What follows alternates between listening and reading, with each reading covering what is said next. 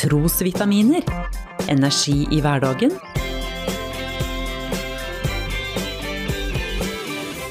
Ved Norea-pastor Svein Anton Hansen. En eldre mann stoppa opp og blei igjen. Han ønska å ha en liten prat. Jeg hadde besøkt et bedehus og holdt møte for dem som kom. Nå var de fleste gått, men han hadde ikke travelt med å komme seg ut. Den eldre mannen virka litt sliten. Ganske raskt begynte han å fortelle om livet sitt. Kona var død, og de hadde ingen barn.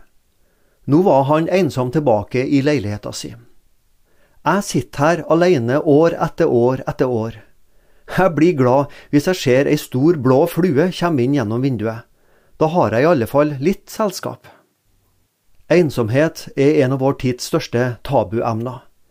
Det er så vanskelig og flaut å innrømme at man er ensom, at ingen kommer på besøk, at man har ingen venner.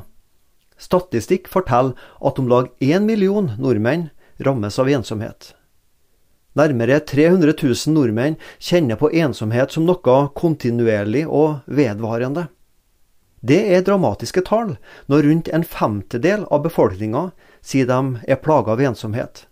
Med andre ord en uønska opplevelse av å være alene. Profeten Jeremia kjente på ensomhet. Ikke bare kjenner vi ordene han sa, men i Jeremia-boka blir vi også kjent med personen og hans følelsesliv. Aldri satt jeg og moret meg i lag med lystige menn.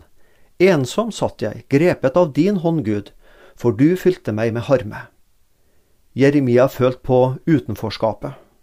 Få, om ingen av hans landsmenn, ville være sammen med en så sær person, en som sa at Gud ville straffe folket sitt. Én ting var å takle ensomheten han kjente på overfor dem han bodde blant. Verre var det å kjenne seg nærmest forlatt av Gud sjøl.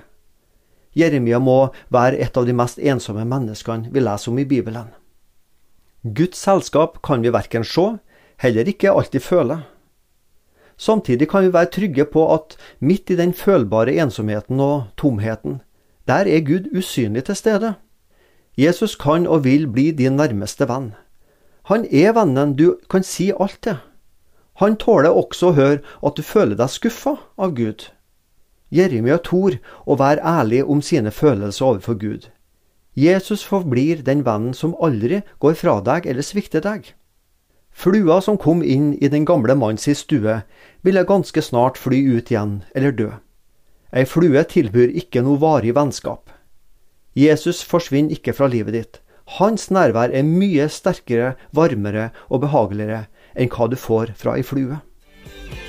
Du har lyttet til Trosvitaminer med Norea-pastor Svein Anton Hansen.